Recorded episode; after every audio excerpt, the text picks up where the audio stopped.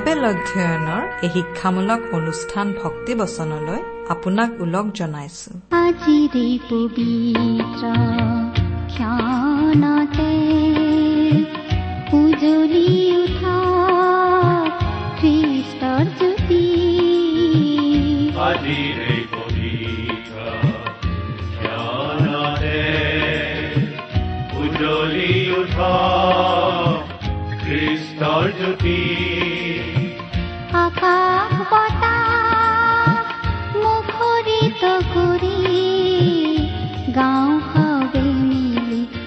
প্ৰিয় শ্ৰোতা আমাৰে সৈতে আজিৰ এই অনুষ্ঠান শুনিবলৈ বহাৰ বাবে আপোনালৈ অশেষ ধন্যবাদ। আপোনাৰ দৰে শ্ৰোতাই আমাক সদায় প্ৰেৰণা যোগায়। এই অনুষ্ঠানটিৰ যোগেৰে আমি আপোনাক লগ পাই থাকিলে আমি বৰ উৎসাহ পাওঁ আমি মানুহ সঁচাকৈ ইজনে আনজনৰ সম্পৰ্কত থাকি বৰ ভাল পোৱা প্ৰাণী। ঈশ্বৰো আমাৰ লগত থাকি বৰ ভাল পায়। সেয়েহে যীশুখ্ৰীষ্টৰ ৰূপেৰে আহি আমাৰ লগত অৰ্থাৎ মানুহৰ লগত বসতি কৰিলে। তেওঁৰ আন এটা নাম ইমানুৱেল অৰ্থাৎ আমাৰ লগত ঈশ্বৰ মানুহৰ লগত ঈশ্বৰ। মানুহ যেন সদায় ঈশ্বৰৰ লগত আৰু ঈশ্বৰ যেন সদায় মানুহৰ লগত থাকিব পাৰে তাৰ বাবে যি বলিদানৰ কাৰ্যৰ প্ৰয়োজন আছিল তাকেই সিদ্ধ কৰিবলৈ প্ৰভু যীশু এই পৃথিৱীলৈ আহিছিল। ঈশ্বৰে মানুহৰ লগত থাকিব বিচাৰে। ভাবিলেই ভাল লাগে নহয়নে এই সময়ত ঈশ্বৰ আপোনাৰ মোৰ লগত আছে। আপুনি যাতে কেতিয়াও অকলশৰীয়া অনুভৱ নকৰে ঈশ্বৰ আপোনাৰ লগত। ইয়াতকৈ ভাল সংগ পৃথিৱীত কি হ'ব পাৰে? এই লগৰীয়া ঈশ্বৰৰ বিষয়ে অধিককৈ জানিবলৈ আহক। আজিৰ ভক্তিবচন অনুষ্ঠান শুনো। আমাৰ মহান ত্ৰাণকৰ্তা প্ৰভু যীশুখ্ৰীষ্টৰ নামত নমস্কাৰ প্ৰিয় শ্ৰোতা। আশা কৰো আপুনি ভালে কুশলে আছে। প্ৰিয় শ্ৰোতা আপুনি বাৰু আমাৰ এই ভক্তিবচন অনুষ্ঠানটো নিয়মিতভাৱে শুনি আছেনে? এই অনুষ্ঠান সম্বন্ধে আপোনাৰ মতামত আদি জনাই আমালৈ চিঠি পত্ৰ লিখিছেনে বাৰু?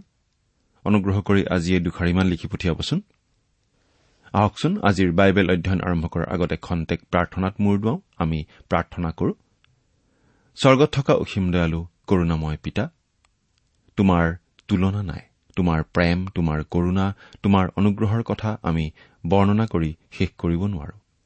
প্ৰভু যীশুৰ যোগেদি তুমি আমালৈ যি অনুগ্ৰহ দেখুৱালা তাৰ বাবে তোমাক অশেষ ধন্যবাদ পিতা। এতিয়া আমি তোমাৰ মহান বাক্য বাইবেল শাস্ত্ৰ অধ্যয়ন কৰিবলৈ আগবাঢ়িছো। তোমাৰ বাক্য তুমিয়েই আমাক বুজাই দিয়া।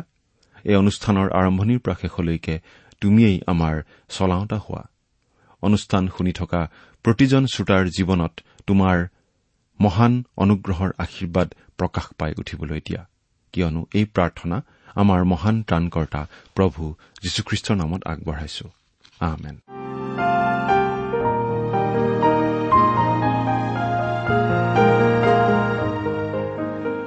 প্ৰিয় শ্ৰোতা আমি আজি কিছুদিনৰ পৰা বাইবেলৰ পুৰণি নিয়ম খণ্ডৰ জিৰিমিয়া ভাৱবাদীৰ পুস্তক নামৰ পুস্তকখন অধ্যয়ন কৰি আছো নহয়নে বাৰু?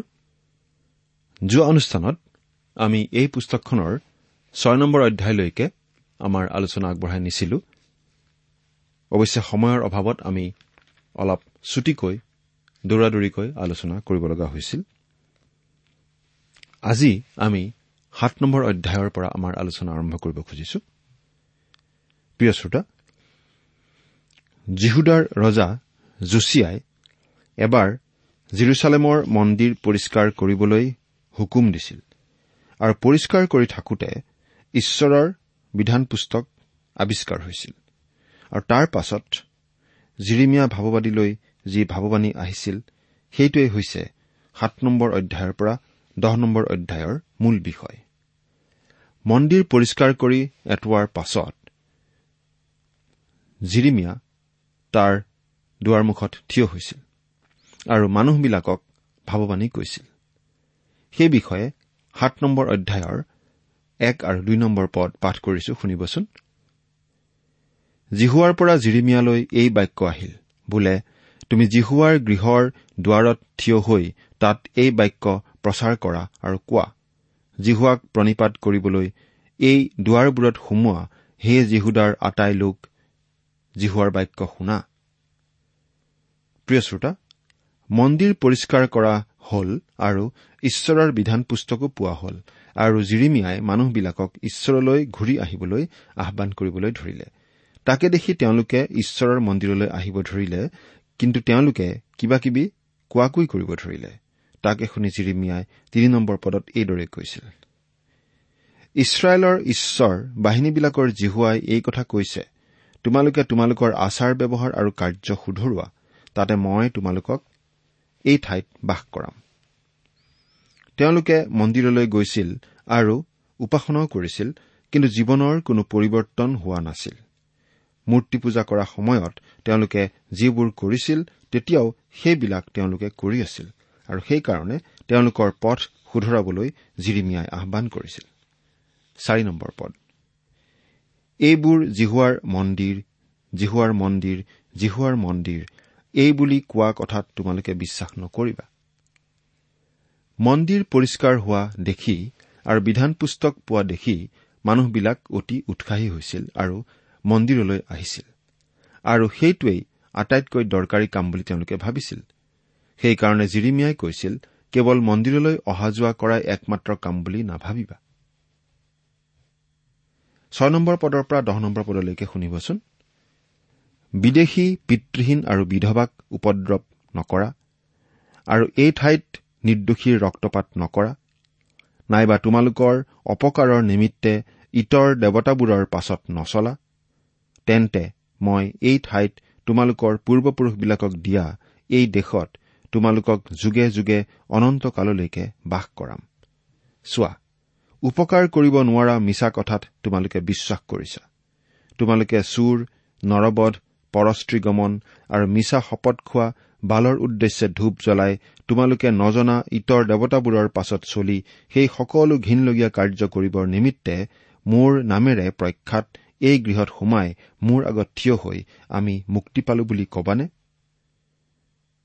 জিৰিমিয়াই কৈছিল যে কেৱল মন্দিৰলৈ অহা যোৱা কৰিলে নহ'ব কিন্তু নিজ নিজ পথ শুদ্ধ কৰি তেওঁলোক ঈশ্বৰলৈ আহিব লাগিব। আগৰ দৰে জঘন্য অপৰাধত লিপ্ত থাকি দেৱতাৰ আগত ধূপ জ্বলাই আৰু উপকাৰ কৰিব নোৱাৰা প্ৰতিমা পূজা কৰি ঈশ্বৰলৈ আহিলে নহ'ব। তেওঁলোকে নিজ নিজ পথ শুদ্ধ কৰিব লাগিব। এঘাৰ নম্বৰ পদৰ পৰা পোন্ধৰ নম্বৰ পদলৈকে পাঠ কৰি দিছো। শুনিবচোন। মোৰ নামেৰে প্ৰখ্যাত এই গৃহ তোমালোকৰ দৃষ্টিত ডকাইতৰ গুহা হলনে? জিহুৱাই কৈছে চোৱা মই ময়েই তাক দেখিলো। কিন্তু পূৰ্বে মই য'ত মোৰ নাম স্থাপন কৰিছিলো চিলুত থকা মোৰ সেই ঠাইলৈ তোমালোক যোৱা আৰু মোৰ প্ৰজা ইছৰাইলৰ দুষ্টতাৰ কাৰণে মই তাক যি কৰিছিলো তাক চোৱা। আৰু জিহুৱাই কৈছে তোমালোকে এইবোৰ কাৰ্য কৰিলা আৰু মই অতি ৰাতিপুৱাতে উঠি তোমালোকক কথা কলত তোমালোকে নুশুনিলা আৰু মই মাতিলত তোমালোকে উত্তৰ নিদিলা। এই হেতুকে মোৰ নামেৰে প্ৰখ্যাত তোমালোকে বিশ্বাস কৰা এই গৃহক তোমালোকক আৰু তোমালোকৰ পূৰ্বপুৰুষবিলাকক মই দিয়া এই ঠাইক মই চিলুক কৰাৰ দৰে কৰিম। আৰু তোমালোকৰ ভাইবিলাকক এনেকে ইফ্ৰইমৰ গোটেই বংশক যেনেকৈ দূৰ কৰি পেলালো তেনেকৈ তোমালোককো মোৰ সন্মুখৰ পৰা দূৰ কৰি পেলাম। প্ৰভু যীশুৱে এই মন্দিৰটো এবাৰ পৰিষ্কাৰ কৰিছিল আৰু তেতিয়াও তেওঁ এই কথাটোকেই কৈছিল। জিৰিমিয়াৰ সময়ত এই কথাটো কোৱা হৈছিল কাৰণ মানুহবিলাকে তাত সোমাই সপ্তাহটো ব্যৱসায় কৰি নিজৰ ভাইবিলাকক ঠগিছিল আৰু এদিন ভক্ত হৈ মন্দিৰলৈ আহিছিল। আৰু প্ৰভু যীশুৰ সময়ত মন্দিৰত মানুহবোৰে এনেকুৱা ধৰণৰ ব্যৱসায় কৰি থকা কাৰণেই প্ৰভু যীশুৱে সেইবোৰক তাৰ পৰা খেদিছিল আৰু এনেকুৱা কথা কৈছিল। ধৰ্মৰ নামত যিকোনো ধৰণৰ ব্যৱসায় ঈশ্বৰে সহ্য নকৰে। সেয়েহে আমি সাৱধান হোৱা উচিত। ষোল্ল আৰু সোতৰ নম্বৰ পদ। এই হেতুকে তুমি এই জাতিৰ নিমিত্তে প্ৰাৰ্থনা নকৰিবা বা তেওঁবিলাকৰ নিমিত্তে নিবেদন কি প্ৰাৰ্থনা উৎসৰ্গ নকৰিবা বা মোক অনুৰোধ নকৰিবা কিয়নো মই তোমাৰ কথা নুশুনিম। তেওঁবিলাকে যীহুদাৰ নগৰবোৰত আৰু জিৰচালেমৰ আলিবোৰত কি কৰিছে তাক জানো তুমি দেখা নাই। প্ৰিয় শ্ৰোতা ঈশ্বৰে কৈছিল জিৰিমিয়া এই মানুহবিলাকে যেতিয়ালৈকে মোৰ গুৰিলৈ উভতি নাহে তেতিয়ালৈকে তুমি তেওঁলোকৰ কাৰণে প্ৰাৰ্থনা নকৰিবা। ঈশ্বৰে কৈছিল তেওঁলোকৰ কাৰণে প্ৰাৰ্থনা কৰি কোনো লাভ নাই। তেওঁলোক ঈশ্বৰৰ পৰা একেবাৰে আঁতৰি গ'ল। আজিও ঈশ্বৰৰ পৰা আঁতৰি থকা অৰ্থাৎ প্ৰভু যীশুক গ্ৰহণ নকৰা লোকৰ মংগলৰ বাবে প্ৰাৰ্থনা কৰি আচলতে কোনো লাভ নাই। কিন্তু তেওঁলোকে যেন পৰিত্ৰাণ পায় এইবাবেহে আমি প্ৰাৰ্থনা কৰিব লাগে। একৈশ আৰু বাইশ নম্বৰ পদ। ইছৰাইলৰ ঈশ্বৰ বাহিনীবিলাকৰ জিহুৱাই এই কথা কৈছে। তোমালোকে তোমালোকৰ মংগলাৰ্থক বলিৰ লগত হোম বলি যোগ কৰা আৰু মাংস খোৱা। কিয়নো যিদিনা মই তোমালোকৰ পূৰ্বপুৰুষবিলাকক মিছৰ দেশৰ পৰা উলিয়াই আনিছিলো সেইদিনা মই হোম বলি কি মংগলাৰ্থক বলিৰ বিষয়ে তেওঁবিলাকক কোৱা বা আজ্ঞা দিয়া নাছিলো। প্ৰিয় শ্ৰোতা ঈশ্বৰে কৈছে যে মন্দিৰলৈ যোৱাটো ভাল কাম। নিশ্চয় ভাল কাম কিন্তু সেই কামটোৱেই যথেষ্ট নহয়। কিন্তু তেওঁলোক ঈশ্বৰৰ বাধ্য হ'ব লাগিব। এই কথা আমিও মনত ৰখা উচিত। আমি গীৰ্জালৈ যাওঁ উপাসনাত যোগ দিওঁ ভাল কাম কৰোঁ। এইটো নিশ্চয় ভাল কথা। কিন্তু মানুহক দেখুৱাবলৈ গৈ কোনো লাভ নাই।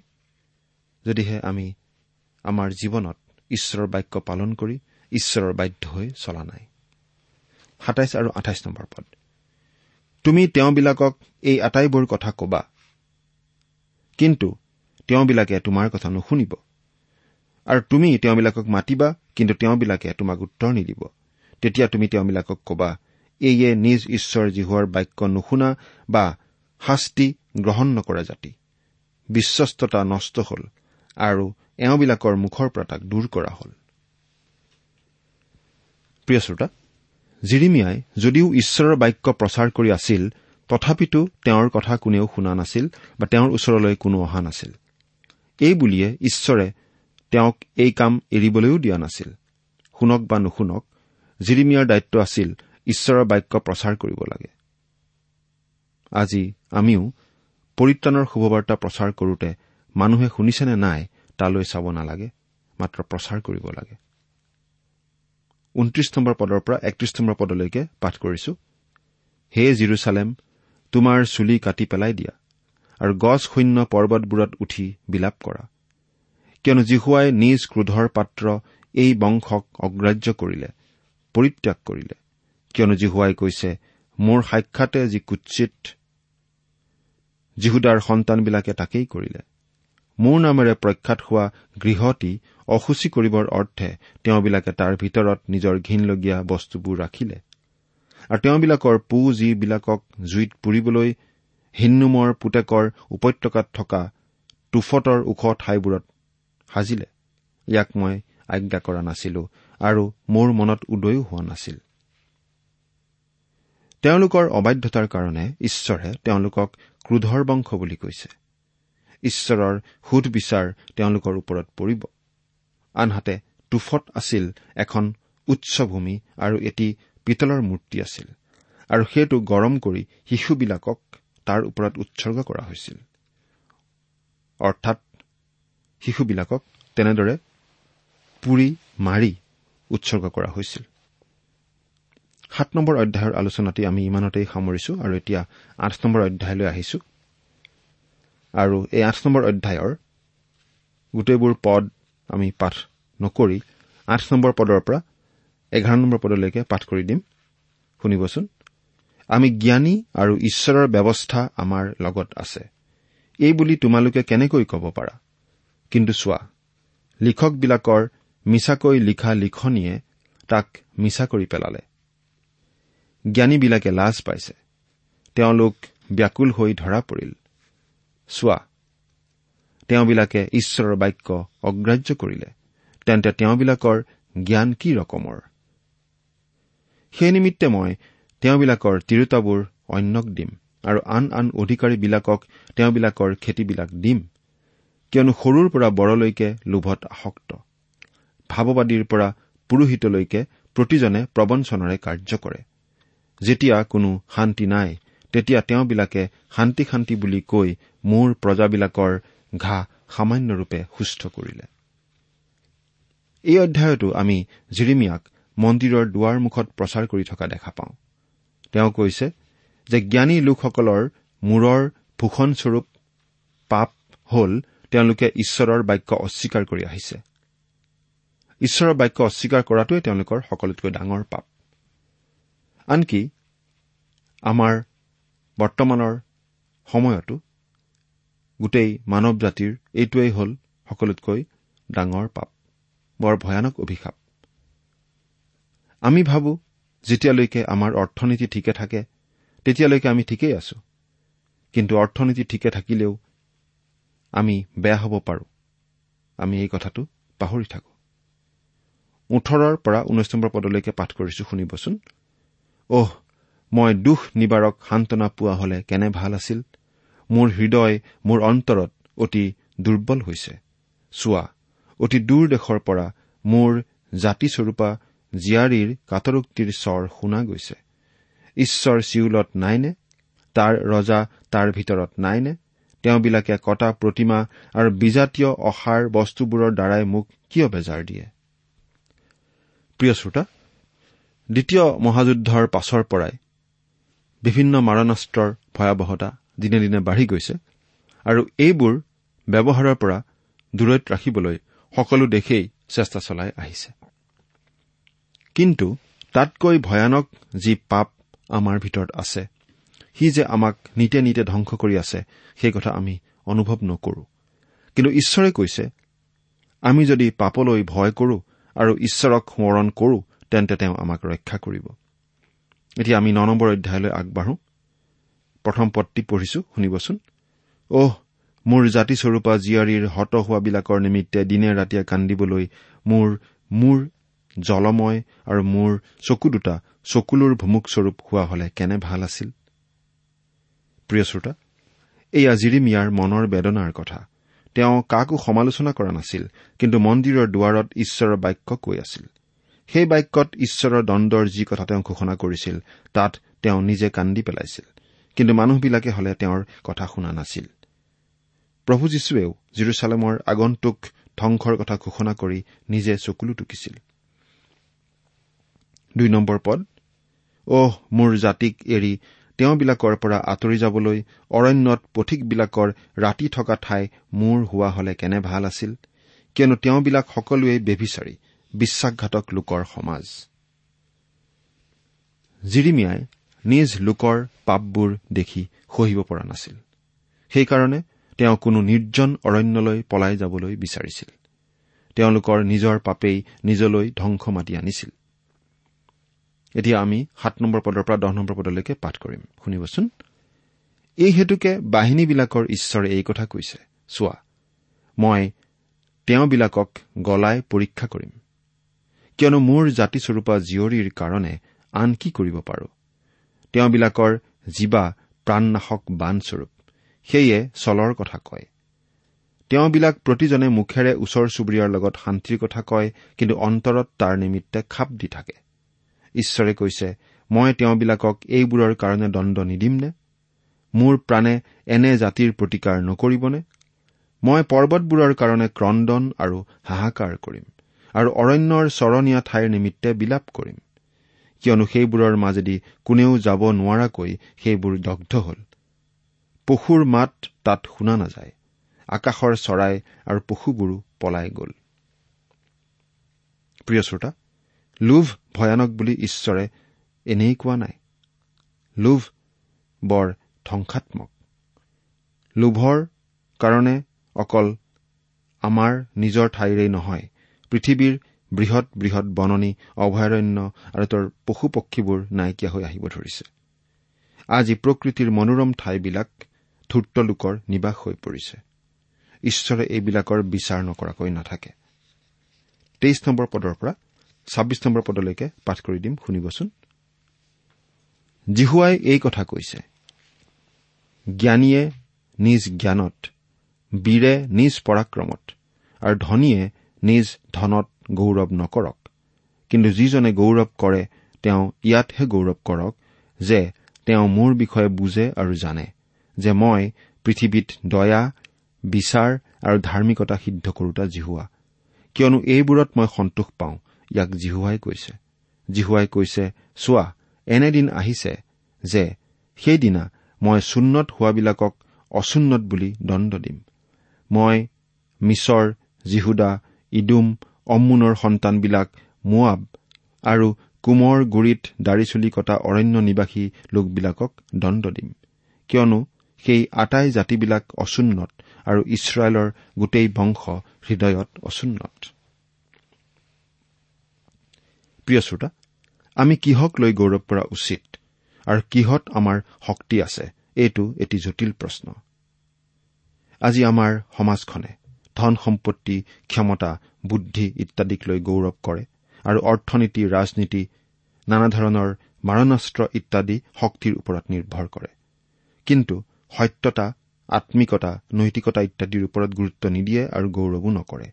এইকাৰণে আজি পৃথিৱীৰ সকলো ঠাইতেই দুৰৱস্থাৰ সীমা নোহোৱা হৈ পৰিব ধৰিছে। জিৰিমিয়াই কোৱাৰ দৰে আমিও আমাৰ পথ সলনি কৰিব লাগে। এতিয়া আমি দহ নম্বৰ অধ্যায়লৈ আগবাঢ়ো আৰু প্ৰথম আৰু দ্বিতীয় পদটি পাঠ কৰি দিম। শুনিবচোন। হে ইছৰাইল বংশ জিহুৱাই তোমালোকক যি কথা কৈছে তাক শুনা। জিহুৱাই এইদৰে কৈছে তোমালোকে জাতিবোৰৰ ব্যৱহাৰ নিশিকিবা আৰু আকাশমণ্ডলৰ নানা অদ্ভুত লক্ষণ দেখি ব্যাকুল নহবা। কাৰণ জাতিবোৰেহে সেইবোৰ দেখি ব্যাকুল হয়। জিৰিমিয়াৰ সময়ৰ দৰে আজিও মানুহে জন্মৰ দিন সময় ঋতু জোন ইত্যাদি গণনা কৰে আৰু তাৰ মতে জীৱন ধাৰণ কৰে। এইবিলাক কিন্তু ঈশ্বৰৰ পৰা অহা ব্যৱস্থা নহয়। প্ৰতিমা পূজকসকলৰ পৰাহে উৎপত্তি হোৱা এইবিলাক ৰীতি। আৰু এই ৰীতিৰ বহুল প্ৰচলন আজিও চলি আছে। তিনিৰ পৰা পাঁচ নম্বৰ পদ। কিয়নো জাতিবোৰৰ ৰীতি নীতিবোৰ অসাৰ। কাৰণ এজন মানুহে কাঠনিৰ পৰা এডাল গছ কাটি উলিয়াই সেয়ে কোঠাৰেৰে কৰা হাতৰ কাৰ্য হৈ উঠে। মানুহে তাক ৰূপ আৰু সোণেৰে অলংকৃত কৰে আৰু সেয়ে নলৰিবৰ নিমিত্তে হাতুৰিৰে গজাল মাৰি তাক শকত কৰে।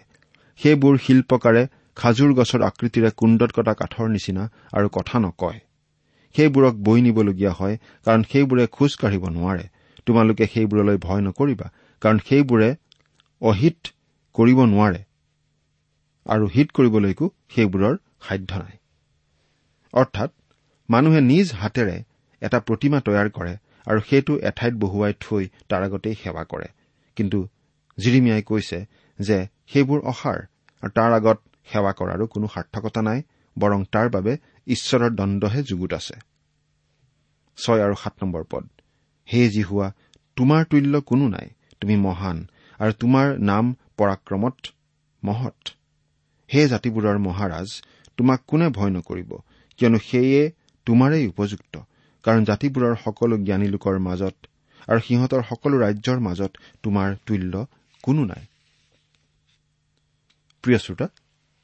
ঈশ্বৰক আমি কোনো বস্তুৰ লগতেই তুলনা কৰিব নোৱাৰো। ঈশ্বৰ অতুলনীয় আৰু জীৱন্ত। কিন্তু সেই ঈশ্বৰলৈ পিঠি দি আমি চকুৰে দেখা আৰু হাতেৰে নিৰ্মাণ কৰা বস্তুক সেৱা কৰাটো হাঁহি উঠা কথা নহয়নে বাৰু? এঘাৰ আৰু বাৰ নম্বৰ পদ। তোমালোকে সিহঁতক এই কথা কোৱা যি দেৱতাবোৰে আকাশমণ্ডল আৰু পৃথিৱী স্ৰজন কৰা নাই সেইবোৰ পৃথিৱীৰ পৰা আকাশমণ্ডলৰ তলৰ পৰা উচ্ছন্ন হ'ব। তেওঁ নিজ শক্তিৰে পৃথিৱী স্ৰজন কৰিলে নিজ জ্ঞানেৰে জগত স্থাপন কৰিলে আৰু নিজ বুদ্ধিৰে আকাশমণ্ডল বিস্তাৰ কৰিলে। ইয়াত কোৱা হৈছে যে মূৰ্তি পূজকৰ ঈশ্বৰে বিশ্বব্ৰহ্মাণ্ডখন সৃষ্টি কৰা নাই। আমাৰ সৃষ্টিকৰ্তা ঈশ্বৰেহে সৃষ্টি কৰিছে। বিশ্বব্ৰহ্মাণ্ডৰ সকলো বস্তু সৃষ্টি আৰু স্থাপন ঈশ্বৰেহে নিজৰ মতে কৰিছে। আপোনাক আৰু মোক সুধি তেওঁ সেই কাম কৰা নাই। সেইকাৰণে সৃষ্টিকৰ্তা ঈশ্বৰহে আমাৰ উপাসনা পোৱাৰ যোগ্য। তেইছৰ পৰা পঁচিছ নম্বৰ পদলৈকে পাঠ কৰিছো শুনিবচোন। হে যি হোৱা মই জানো যে মানুহৰ গতি নিজ অধিকাৰত নাথাকে। নিজ খোজ স্থিৰ কৰিবলৈ খোজ চলাওঁতাজনৰ শক্তি নাই। হে যি হোৱা মোক কেৱল ন্যায়েৰে শুধৰোৱা ক্ৰোধেৰে নহয় নহলে মোক হ্ৰাস কৰিবা। যি জাতিবোৰে তোমাক নাজানে আৰু যি গোষ্ঠীবোৰে তোমাৰ নামেৰে প্ৰাৰ্থনা নকৰে সিহঁতৰ ওপৰত তোমাৰ কোপ ঢালা। কিয়নো সিহঁতে জাকুবক গ্ৰাস কৰিলে এনেকি তাক গ্ৰাস কৰি তাক অন্ত কৰিলে আৰু তাৰ বাসস্থান ধ্বংস কৰিলে। মানুহে সৃষ্টিকৰ্তা ঈশ্বৰক মানি লওক বা নলওক মানুহে নিজৰ মতে কেতিয়াও চলিব নোৱাৰে। পৰা হলে মানুহ বুঢ়া নহলহেঁতেন আৰু মানুহ নমৰিলহেঁতেন বেমাৰ আৰু দুৰ্ঘটনা ইত্যাদি নহলহেঁতেন। মানুহে নিজৰ ইচ্ছামতে চলিব নোৱাৰা বাবেই এইবিলাক ঘটে। গতিকে আমি ঈশ্বৰৰ হাতত নিজকে সোধাই দিয়াৰ বাহিৰে নিজক অৰ্পণ কৰাৰ বাহিৰে আন উপায় নাই। এই কথা বাৰু আপুনি চিন্তা কৰি চাইছেনে? ঈশ্বৰ আপোনাৰ সহায় হওক। আমেন।